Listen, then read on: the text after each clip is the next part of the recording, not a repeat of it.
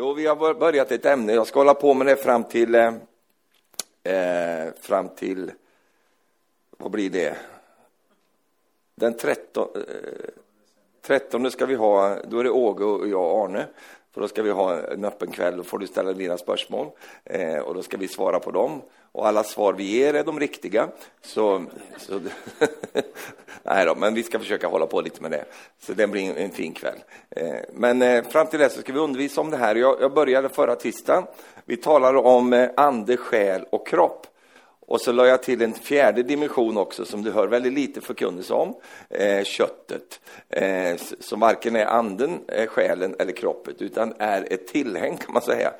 Och, och, du har en del problem med ditt kött, jag vet det. Så det ska vi hålla på med idag. Vi ska tala om hur du vinner seger över köttet. Säg halleluja, jag kom, jag kom till rätt kväll, säg det. Amen. Därför att det går nämligen att vinna seger över det. Kan du säga amen till det? Eh, så vi ska hålla på. Och nu är det bibelundervisning här, så då går vi lite in i saker och ting. Eh, och vi, vi borrar oss in i ämnena lite grann och, och, och sånt. Eh, bara för att man ska få, få tag på vad som, vad som står där eh, och vad som finns för oss. Men vi började förra gången, som sagt, jag talade om, om ande, själ och kropp. Att Herren eh, skapade oss i, i sin bilde, står det. Och eftersom Herren är tre och en, han är fader, han är son, han är ande, så är vi också tre och en. Vi är ande, vi är själ, vi är kropp. Och eh, vi såg att eh, eh det är skillnad på ande och själ.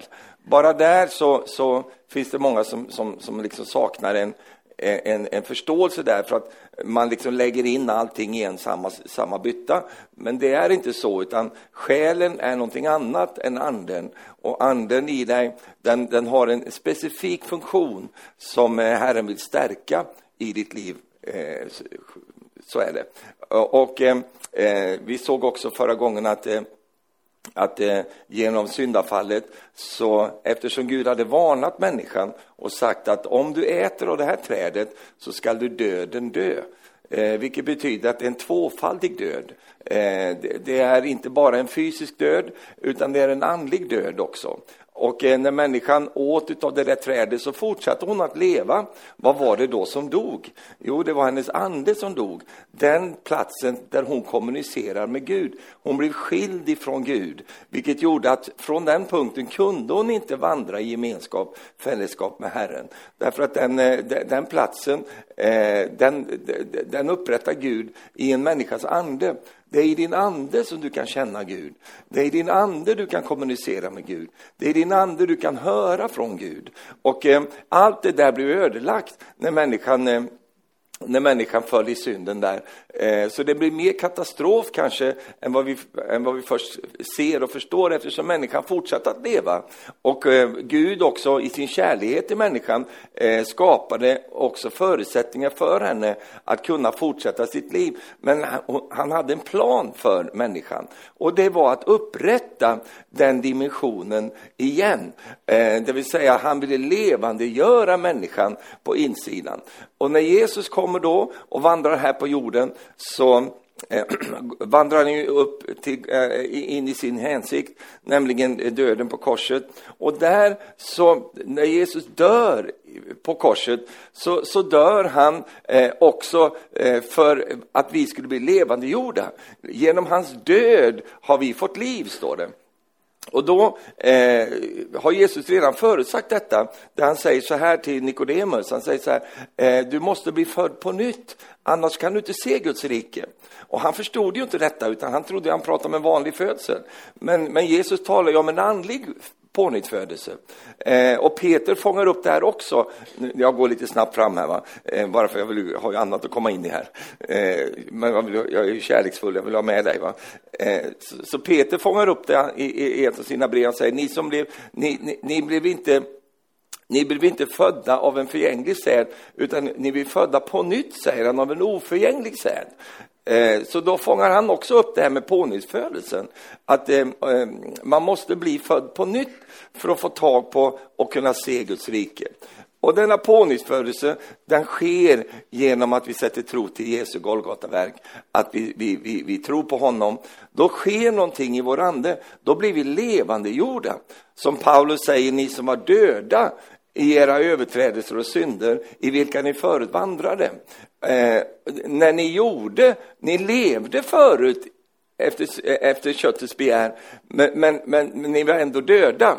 Eh, vad var det som var dött? Jo, det var vår ande som var död. Och när han då eh, levande gör, hur gör han det? Den samma ande som väckte upp Jesus för, från de döda, det är den samma ande som också ger liv till din ande, vilket gör att du får nya förutsättningar i Jesus. Nu när du är frälst, nu har du en, en, en förutsättning att kunna kommunicera med Gud igen.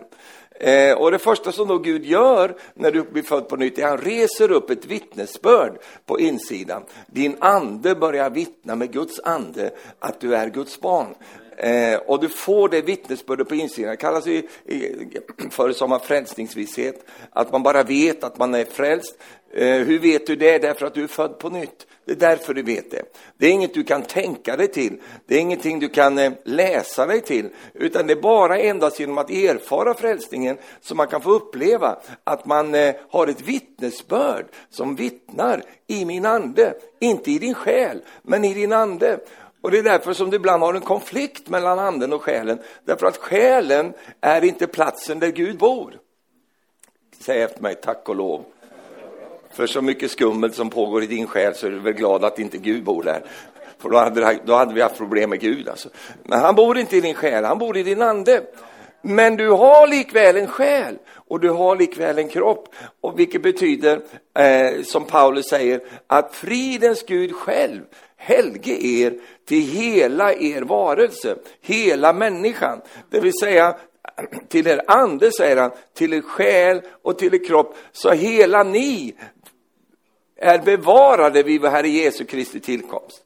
Då förstår vi att eh, för Gud är, eh, är, är, är ande viktig, men också själen, men också kroppen. Och de här tre delarna av dig, de vill Gud helga så att de blir så lik Jesus som det bara går. Amen.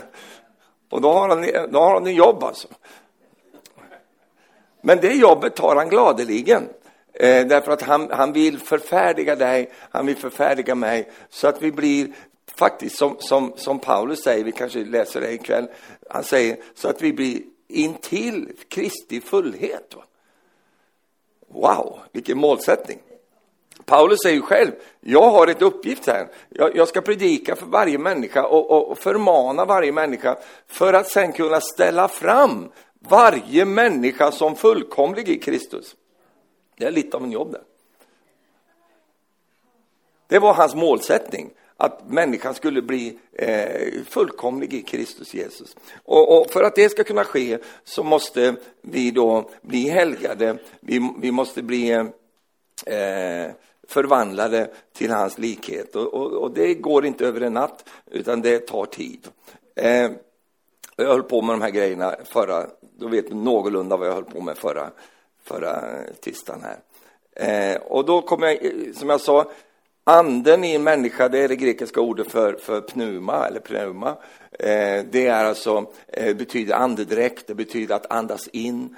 Eh, och det var så Gud skapade människan. Han, han blåste in livsande i henne. Och då blev människan en levande själ, står det. Eh, Själen kan inte leva, eh, kroppen kan inte leva utan anden, men anden kan leva utan kropp och själ. Eh, och, eh, därför att anden har sitt liv direkt från Herren. Och, och vi såg också att själen, det är någonting annat det.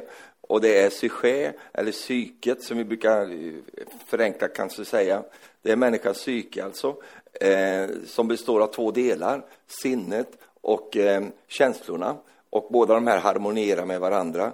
Det här ska jag ägna en hel kväll åt sen. Så, så ikväll ska vi tala om köttet, så vi blir färdiga med det.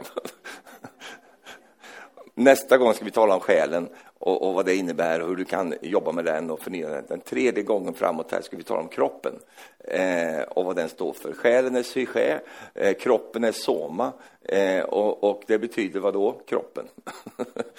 Det är dina lemmar, det är den som sitter och tittar på mig här just nu. Eh, det är den delen av dig jag ser. Den ser bra ut. Säg tack. Ja. Det är din kropp. Det finns väldigt mycket väldigt mycket eh, liksom undervisning och sådär. Du förstår, jag håller på och röjer också samtidigt när jag undervisar. För jag, jag vill liksom också eh, att vi ska ha klart för oss vad, vad, verkligen vad Guds ord säger. Inte vad traditioner säger, inte vad olika kristna eh, Eh, religiösa idéer säger, utan vi vill in i ordet. Vi vill se vad Guds ord säger om saker och ting. För det är vår enda trygghet och det är det enda som är viktigt för oss. Eh, det finns väldigt mycket konstig förkunnelse om kroppen. Eh, därför man förstår inte att det är skillnad på, på kroppen och köttet. För en del tror att kroppen och köttet är samma sak. Men det är det inte, utan eh, det är någonting annat det. Därför att kroppen, soma på grekiska, det är ju den del som Herren kallar för andens tempel. Det är, där, eh, det är det templet som, som ska förfärdigas och helgas och som vi ska vara mycket rädda om och ta vård om. Petrus säger ingen har någonsin, eh, ingen har någonsin hatat sin kropp, säger Petrus. Utan man värnar om den, skyddar den och när den och ser till att den får den den behöver. Vi, vi älskar vår kropp. Så, och, och, och, därför, och så använder han det och säger att, att på samma sätt gör Kristus med församlingen. Att han eh, har utgivit sig för den och älskar. Och, och, och på det samma sätt så, så använder också Herren kroppen som en bild på menigheten. Och talar om lemmarna och allt detta i väldigt positiva termer. Eh, men när vi talar om köttet Köttet, eh, det grekiska ordet för köttet, det är sarx. Eh, och eh, sarx betyder köttet. Varför ska du använda grekiska ord när du säger vad det betyder? Ja, men det är bara för att vi ska se att det är olika ord i grundtexten. För ibland så står det nämligen kroppen och då, då, är, då är det en egentligen felaktig översättning därför att det är egentligen sarx. Det är egentligen köttet. Och ibland så står det köttet och då är det egentligen soma. och det är lite hur man har översatt det här. Men det är ganska bra att gå ner i grundtexten och se vad är det som menas här? Vad är det, vad är det man egentligen, vad, vad säger eh, Bibeln här? Vilket ord är det som brukas? För att de betyder olika saker. Soma betyder precis det som du tror att det betyder. Det betyder våra lemmar, det betyder vår kropp, eh, så som den ser ut. Och, och, och, och det står att eh, Paulus säger, ställ era lemmar, alltså soma, ställ era, er kropp till rättfärdighetens tjänst. Det kan du aldrig göra med köttet. Du kan aldrig ställa köttet i rättfärdighetens tjänst, och det kommer du förstå här längre fram. Därför att köttet hatar Gud. Det vill inte ha med Gud att göra. Jag är i konstant uppror mot Gud. Och eh, eh, ja. men, men själen och kroppen kan helgas så att man blir förnöjd med den man är.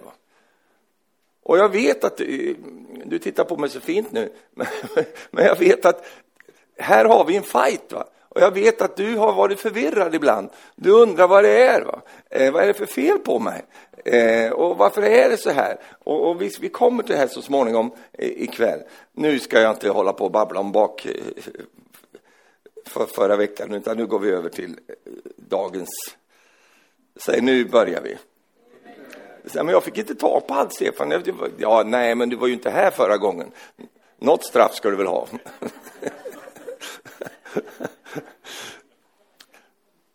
Eh, så ikväll ska vi ägna oss åt detta, hur, hur vi kan vinna seger över köttet.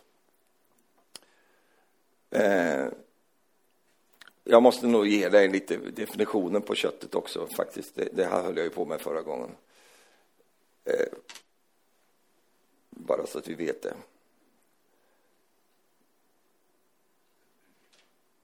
Paulus säger i Romarbrevet 7, vers 18.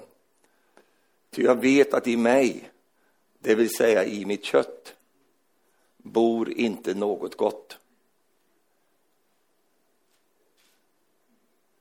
Kan du tänka dig att det finns något hos oss där det inte bor något gott? För det finns en, det finns en humanistisk, liksom, som har smugit sig in bland kristna, eh, och det är ju att människan egentligen är god. Va? Och, eh, och, och, det betyder att man, man gräver längre och till slut får man in det djupaste, innersta i en människa och där är det gott. Eh, och, och, eh, det enda som, som, som gör om en människa skulle bli ond eller bli dålig, ja, det beror på arv och miljö. Eh, alltså, det beror på vilket, alltså, alltså du genetiskt har, ärvt någonting från dina fäder och också miljön som du har dannats i. Så, så kan du liksom eh, gå åt det ena eller det andra hållet. Men grundläggande så är du god på insidan. Det är ju inte en biblisk tanke, utan en biblisk tanke det är att där inne var det ont. Va? Längst där inne var det on, ont, därför att det, eh, som Paulus säger, vi var döda genom våra överträdelser. Och därför behöver vi bli födda på nytt, och det måste ske i rätt ordning. Jag var inne på det också. Eh, det börjar med att Gud levandegör dig på insidan. Sen så går han vidare ut i själ och kropp för att, för att eh, ordna till det. Du måste börja på rätt ställe. Eh, därför att om du börjar ut på utsidan, det vill säga, och som många gör också, därför att de inte har förstått hur Guds eh, ordningar är, så börjar man, man försöker skärpa sig. Va? Man försöker bli en bättre människa. Eh, och, och strävan och viljan finns där. Eh, därför att människan vill i grunden vara god. Va? Du får aldrig glömma att även om... Jag har ju bibelkväll nu så jag får inte gå ner här och vandra omkring. Va? Jag måste ju stå som en bibellärare här.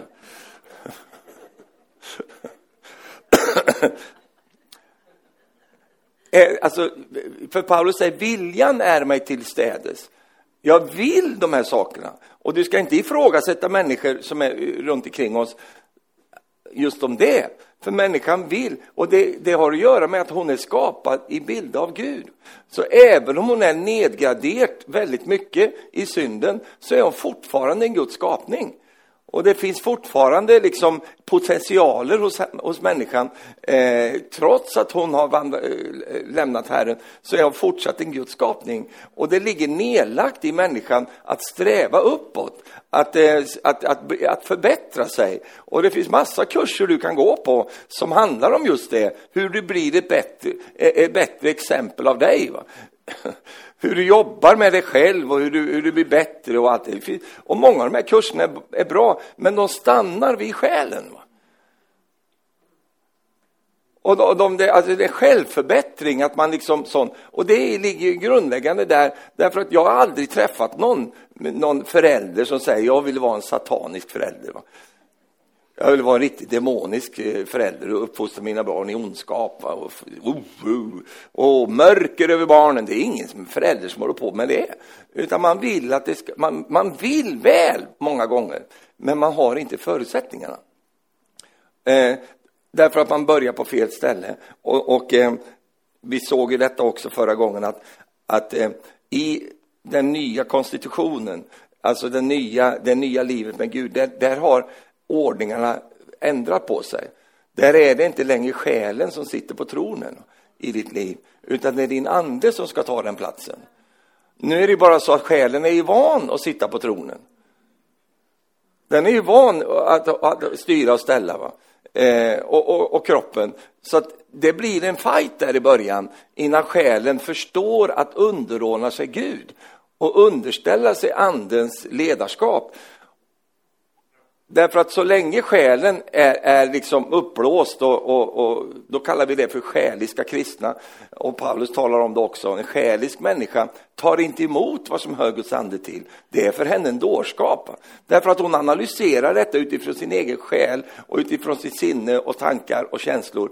Och vilket gör att hon fattar inte de här grejerna. Därför att det måste utrannsakas på ett andligt sätt, säger Paulus.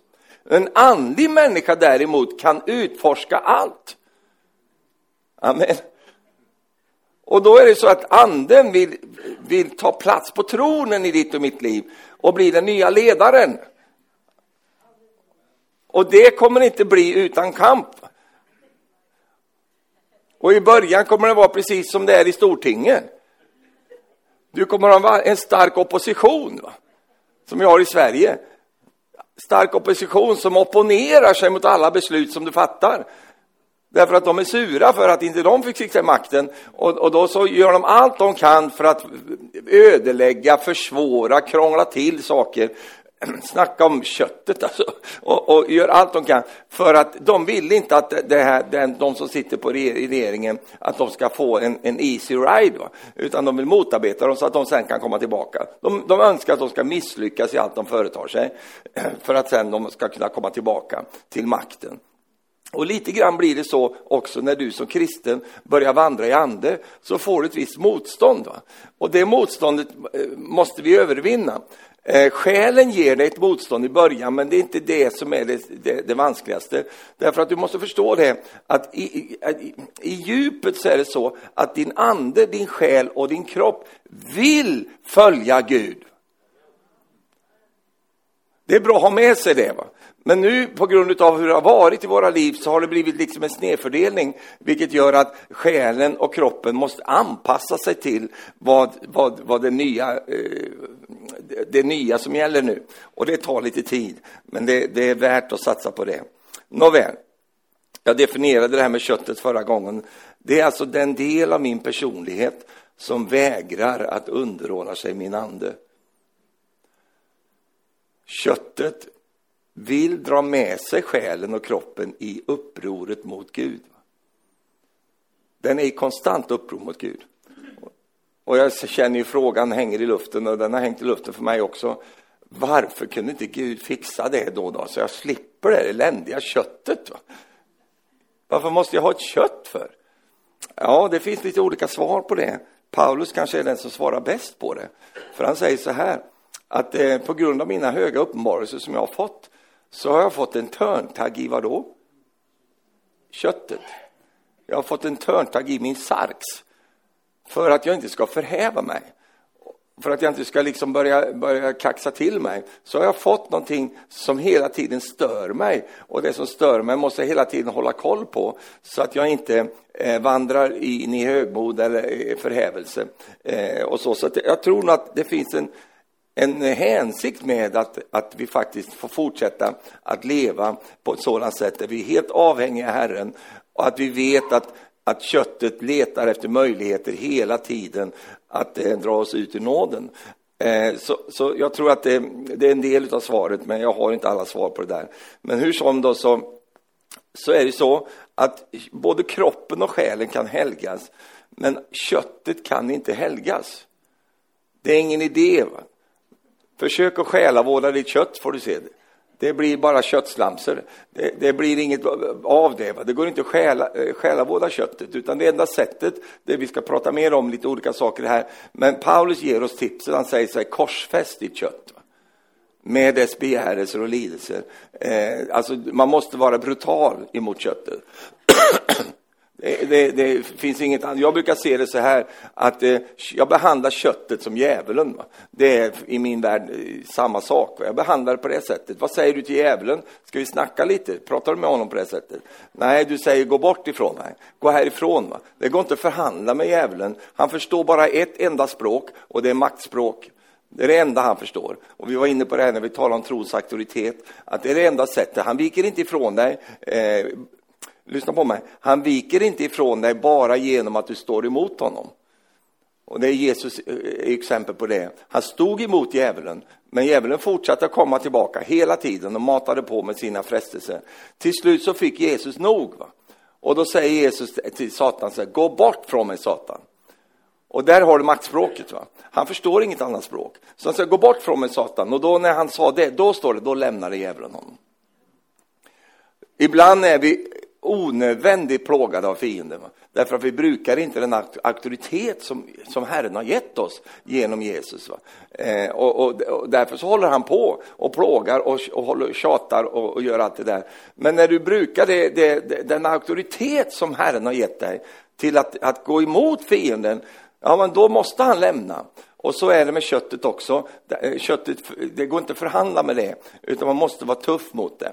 Och då är inte kallelsen i ditt liv att inte vara tuff mot din, din, din, din kompis kött. Va? Det är alltid lättare att, vara, att se köttet hos andra. Utan nu talar jag om hur vi själva agerar mot oss själva. Att gå till storms mot vårt eget kött som hela tiden reser sig upp i uppror emot Gud. Va? Kan du säga amen till det? Ja. Och, och därför så, så, ska vi se då hur, hur man kan vinna seger över detta då. Nåväl, vi går till Galaterbrevet 5, eh, vers 16. Nu har jag brutit upp så mycket tid bara på att hålla på och prata, att jag aldrig lär mig. Nej, köttet. Nej, det är inte. Galaterbrevet 5, vers 16. Vad jag vill säga, säger Paulus här, är detta. Vandra i anden, så kommer ni inte att göra vad köttet begär. Ty köttet söker det som är emot anden och anden söker det som är emot köttet. De två strider mot, där har den, de två strider mot varandra för att hindra er att göra det ni vill. Men om ni leds av anden så står ni inte under lagen. Här, och sen har han, vi kommer tillbaka till det här sen. Men här ser du tre aktörer här i den här texten. Det första, det är att eh, det är ju anden. Vandra i anden, så kommer ni inte göra vad köttet begär. Och sen har du nummer två, köttet. Du köttet söker det som är emot anden och anden söker det som är emot köttet. Och sen nummer tre, eh, de, de, de, de, de två strider mot varandra för att hindra er att göra det ni vill. Ser du det? Som du ser dig själv i mitten här. Själen. Du vill göra vad du vill. Nej, inte vad du vill. Du vill göra vad, vad, ja, egentligen, du vill följa Gud. Då har du två kom, eh, som strider här. Va? Det är anden och det är köttet. Nu tror vi nog att det är menat att det är den heliga ande här, men det kan man inte riktigt läsa ut av texten, även om det är ett stort A där, så, så kan det också vara din ande. Eh, så, så, men hur som helst då, så Guds ande i din ande kan vi väl säga då, då att, eh, att, för det är samma grekiska ord eh, där. Och eh, ja, då säger han att, att genom att koppla med Guds ande så kan vi då med andra ord segra över köttet. Och det här vill jag säga, det är bara på det sättet man segrar över köttet. Eh, bara genom att koppla med Guds ande, då kan vi segra över köttet. Därför hade du ingen chans innan du blev född på nytt. Därför att då hade du inte den eh, maktfaktorn i ditt liv. Utan då var du utlämnad till själen och till kroppen. Men nu har du ju nya förutsättningar. Nu har du Eh, ett vittnesbörd upprest av Gud i ditt inre. Du har Gud själv genom den helige Ande som bor på insidan av dig. Så du har helt andra förutsättningar nu att faktiskt kunna vinna seger över det här som, som eh, Bibeln talar om. Eh, och det är genom att vi lär oss att koppla med Guds ande i våra liv. Det står i Romarbrevet 8, vers 26. Så står det så här, ett väldigt eh, härligt ord i vers 26 så står det så här. Så hjälper också anden oss i vår svaghet.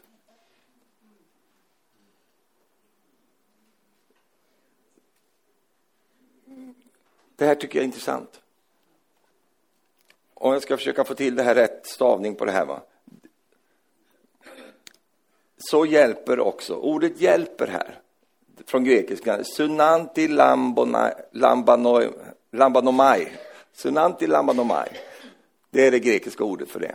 Och vad det betyder tycker jag är väldigt intressant. Det betyder, eh, lite fritt översatt så betyder det så här. Det betyder att han, han kommer och tar tag tillsammans med oss emot det onda eller svagheten. Alltså han kommer för att assistera, to support, to help, eh, to assist someone to come with aid. Och sen då eh, också den här lite längre förklaringen. Han kommer och tar tag tillsammans med dig emot det som plågar dig. I det här fallet om det då är köttet och frestelserna som finns där. Så, så hjälper anden dig i denna svaghet som du kan uppleva. Eh, och eh, vi har alla upplevt det i våra liv, att vi känner att vi är svaga, vi känner att vi orkar inte. Och, och då har ju Jesus sagt, jag ska inte lämna er hjälplösa, utan jag ska be Fadern sända anden. Och när anden kommer, då ska han hjälpa er och bistå er. Och då gör han det. Han kommer för att ta tag tillsammans med dig. Eh, jag vet inte om du har, har du puttat på någon bil någon gång? Som inte startar. Jag har puttat på många norska bilar som inte startar. Och du puttar där och du, du, lite grann går det. Och så, orkar inte. och så kommer en till och hjälper till att putta på. Jag har aldrig varit med om det, nej, nej. men i, i Sverige brukar de hjälpa till. Eller om du håller på att drar i någonting, va? eller du håller på, det är någonting som är väldigt tungt, det ligger emot. Va?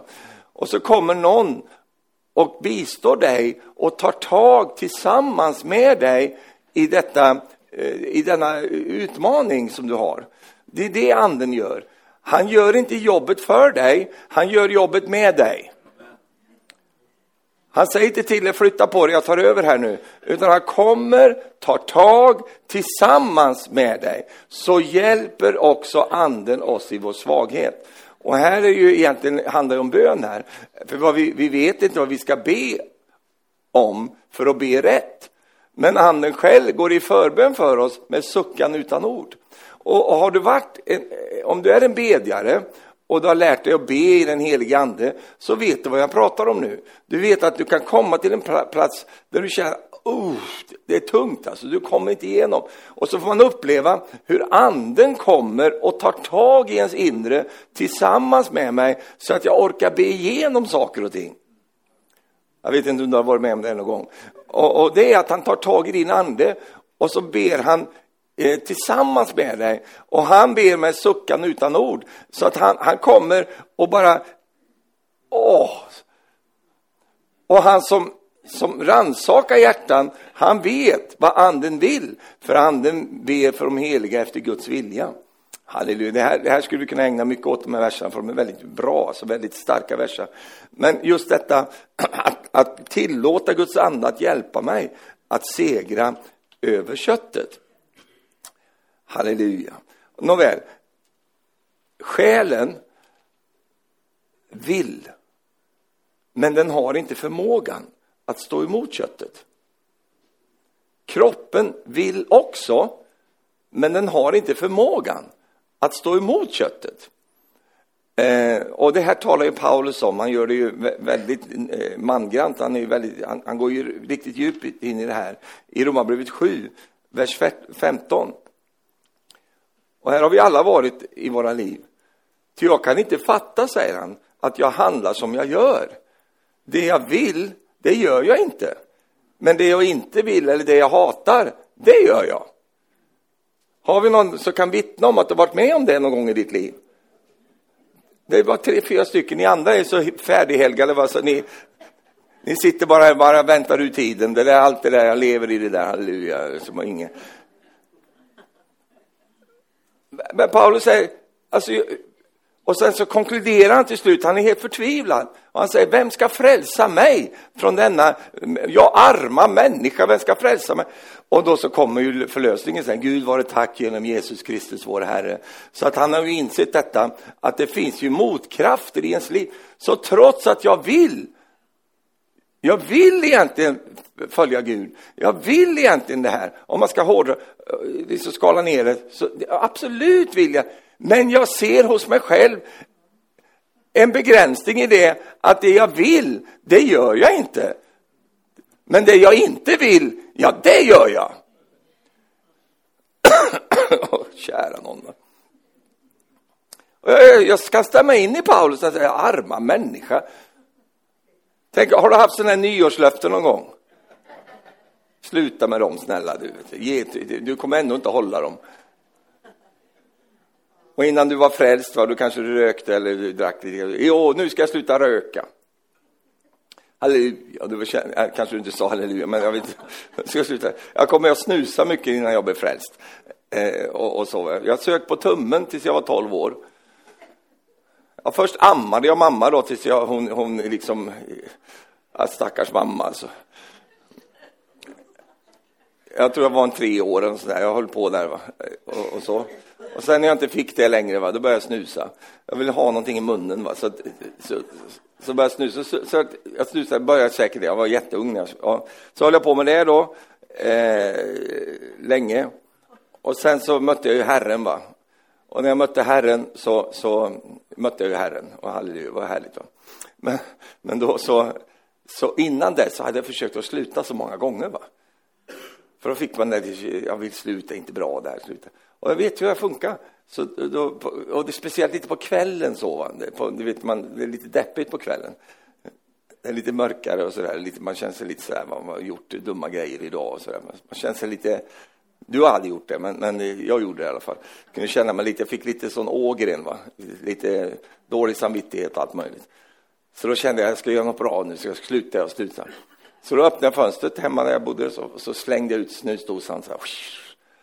Och sen lyssnade jag då var den landade någonstans.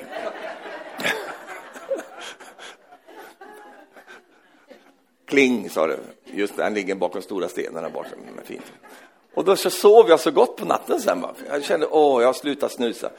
Vad gör jag på morgonen när jag vaknar? Det är alltid jobbigast på morgonen. Vet du. Så, så jag vaknar och när man har fått sitt kaffe där och så, och vad vill man ha då? Då vill jag ha det där. Så då, så bara, då hittade, gick jag ner dit, vet du. Så, då låg den ju där.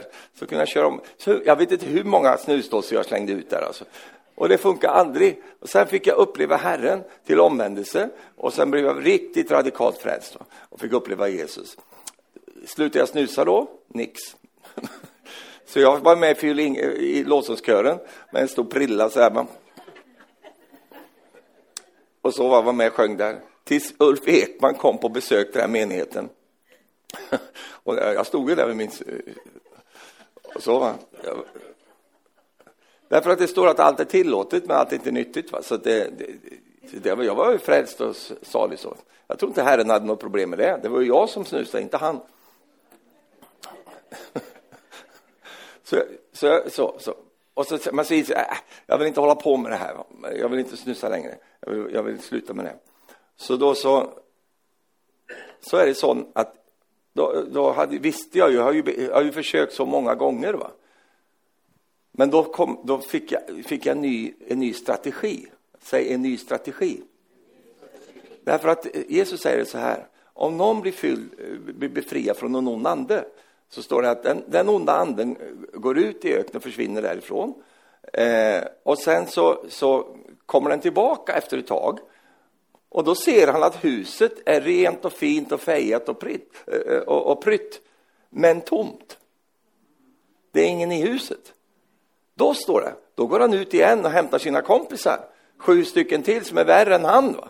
Och sen kommer de in och, och ödelägger huset där. Och då insåg jag ju detta, det var inte det bibeln jag fick då, men jag har förstått efteråt att det var så det var. Jag måste fylla mig med någonting annat. Och då fattade jag det, jag måste fylla mig med Guds ord. Så då började jag mata på med Guds ord, vet du. Och vet du vad som hände? Jag tänkte inte ens på att jag slutade snusa. Helt plötsligt hade jag slutat. För, för suget och allting, det bara försvann, va? för jag fick en mycket starkare kraft på insidan och det var ju Guds ord. Va?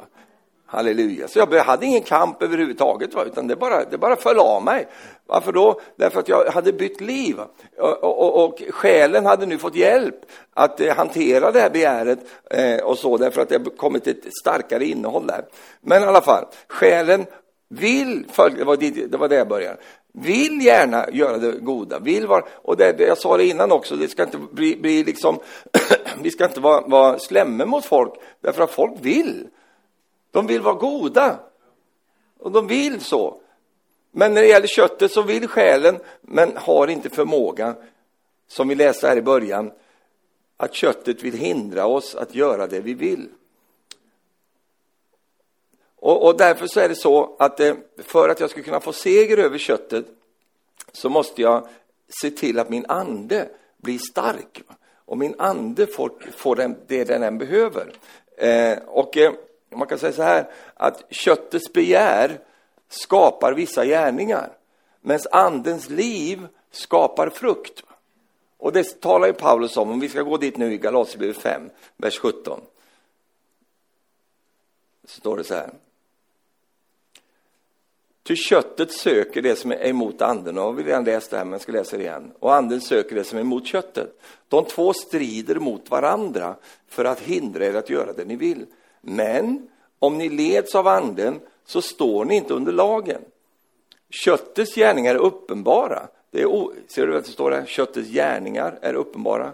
Det är otukt, orenhet, lösaktighet, avgudadyrkan, svartkonst, fiendskap, kiv, avund, vredesutbrott, gräl, splittringar, villoläror, illvilja, fylleri, utsvävningar och annat sådant. Och jag säger i förväg vad jag redan har sagt, de som lever så ska inte ärva Guds rike. Alltså, här ser vi då, när du ser den listan här, eh, och annat sådant säger han ju också. När du ser den listan här så ser du, detta är saker som man måste använda både själ och kropp till att göra. Det här är vad, vad, vad, alltså otukt, det kan du inte bara göra med, med, med själen, även om det börjar där oftast, men, men det är också en handling med kroppen. Och det finns många sådana, fylleri är ett annat exempel, eh, och, och, och, gräl och splittringar. Det är någonting som involverar både själ och kropp det här. Mm. Men andens frukt däremot, det är kärlek, glädje, frid, tålamod, vänlighet, godhet, trohet, mildhet och självbehärskning. Sådant är lagen inte emot. De som tillhör Kristus Jesus har korsfäst sitt kött med dess lidelser och begär. Om vi har liv genom anden, låt oss då även följa anden. Halleluja. Kan du säga halleluja? Och i första Johannesbrevet 2 så pratar ju Paulus om i vers 15, han talar ju om det här där, Eh, förlåt mig, Johannes är det som talar om det här, i vers 15, älska inte världen, säger han, inte heller det som är i världen. Om någon älskar världen så finns inte Faderns kärlek i honom. Ty allt som finns i världen, köttets begär, ögonens begär och högmod över livets goda, det kommer inte från Fadern utan från världen. Och världen och dess begär förgår, men den som gör Guds vilja förblir i evighet. Kan du säga halleluja?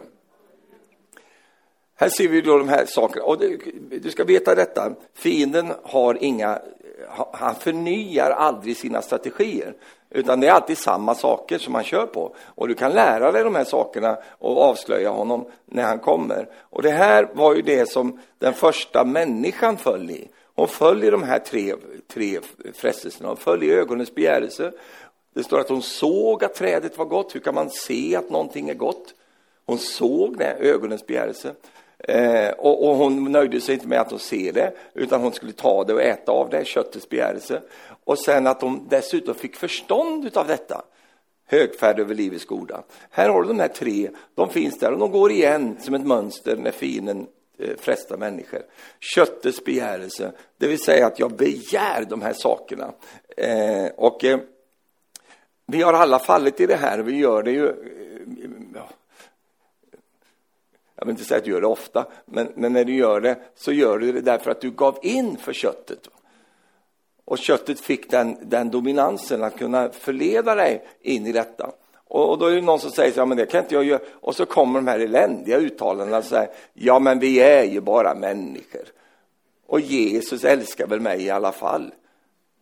Ja, han älskar, det, det handlar inte om Jesu kärlek här, utan det handlar om att Gud har en plan. Och den planen är att du och jag ska få leva ett liv där vi inte vandrar i köttet, utan vandrar i anden. Halleluja. Ja, då måste jag ju hela tiden gå till bikten eller till nattvarden och bekänna. Och jag känner ofta, eh, eh hur man nu säger det på norska, det vet jag inte, men, men ond, eh, on, on, den ondes lust i mitt hjärta. Jag går aldrig på sån nattvard. För jag kan inte gå och säga jag kan inte ärligt säga att jag ofta går och tänker med lust i mitt hjärta. Jag, jag, det har inte jag, utan jag är frälst jag. Halleluja. Men det kan ju, man kan ju ha en lust, ett begär och så vidare. Och man kan ha en, en, en, en, eh, ett sug efter någonting, absolut kan det vara så. Men då finns det seger över det. Kan du säga amen?